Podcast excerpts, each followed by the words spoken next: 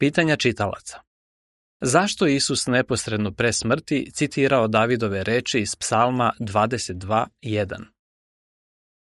Među posljednjim rečima koje je Isus izgovorio pre smrti bile su one koje su zabeležene u Mateju 27.46 i Marku 15.34.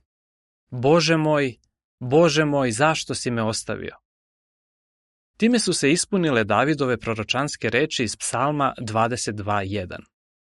Isus to nije rekao zato što je bio razočaran ili zato što mu je u tom trenutku oslabila vera. On je u potpunosti razumeo zašto je bilo neophodno da umre i spremno je to prihvatio. Znao je i da će mu Jehova pred smrtu skratiti svoju zaštitu. To je omogućilo Isusu da dokaže da će ostati veran Jehovi bez obzira na to koliko će njegova smrt biti teška. Zašto je onda Isus izgovorio te reči?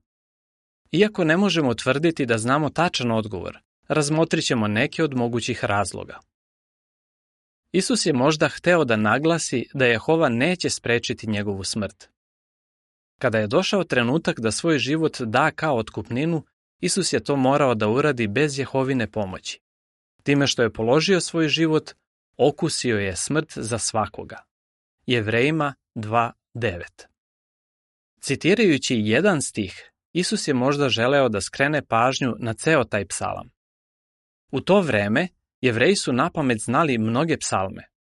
Kad bi čuli jedan stih iz nekog psalma, to bi ih podsjetilo na ceo taj psalam. Ako je to bio razlog, time bi pomogao svojim sledbenicima da se sete mnogih proročanstava iz 22. psalma koja su ukazivala na događaje u vreme njegove smrti.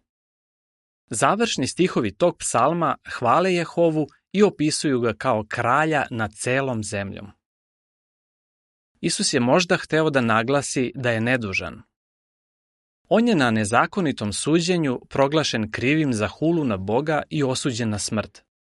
Članovi suda su tokom noći na brzinu okupljeni i održano je suđenje kojim su prekršene sve zakonske procedure. Citirajući psalmistine reči, Isus je možda želeo da skrene pažnju na to da ničim nije zaslužio takvu kaznu. Isus je možda želeo da podsjeti druge da to što pati ne znači da je izgubio Jehovinu naklonost.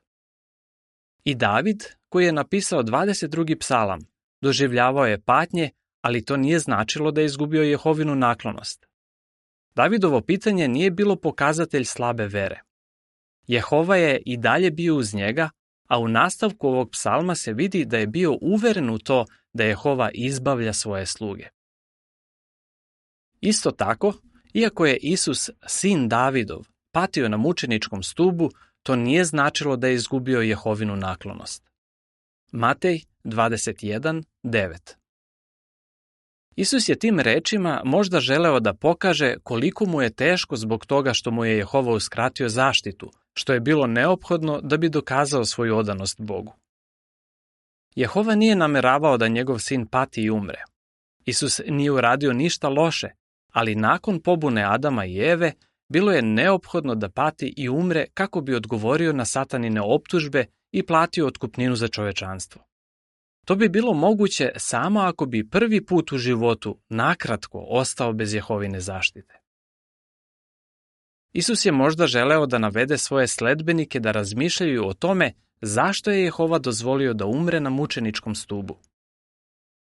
U fusnoti piše Isus je tokom svoje službe na zemlji ponekad rekao ili pitao nešto da bi podstakao svoje sledbenike da kažu šta misle. To nije uvek bio pokazatelj njegovog gledišta. Kraj fusnote. Znao je da će se mnogi spotaći zbog toga što umire kao zločinac ali ako bi njegovi sledbenici razmišljali o glavnom razlogu njegove smrti, shvatili bi njeno pravo značenje. Razumeli bi da nije ubijen zato što je počinio neki zločin, već da bi omogućio spasenje ljudima. Šta god da je bio razlog da citira Davidove reči, Isus je znao da je Jehovina volja da on umre na mučeničkom stubu. Ubrzo nakon što je ponovio reči iz 22. psalma, rekao je Dovršeno je.